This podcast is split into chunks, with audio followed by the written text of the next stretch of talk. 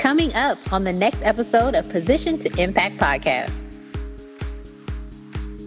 Does living in a state of gratitude do and how it makes you feel? So, Penda, what first of all, what what is your definition of gratitude?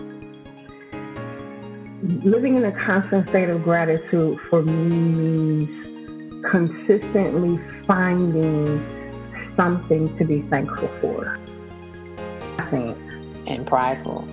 And I think the other thing too, Alicia, is gratitude is not just us being thankful for what we have, but it also includes being appreciative to other people for what they do for us and wanting to return kindness, like paying it forward. Forward. If you go to Starbucks and somebody buys your coffee, then you buy the coffee for the next person. I think it goes beyond just, oh, I'm thankful for what I have and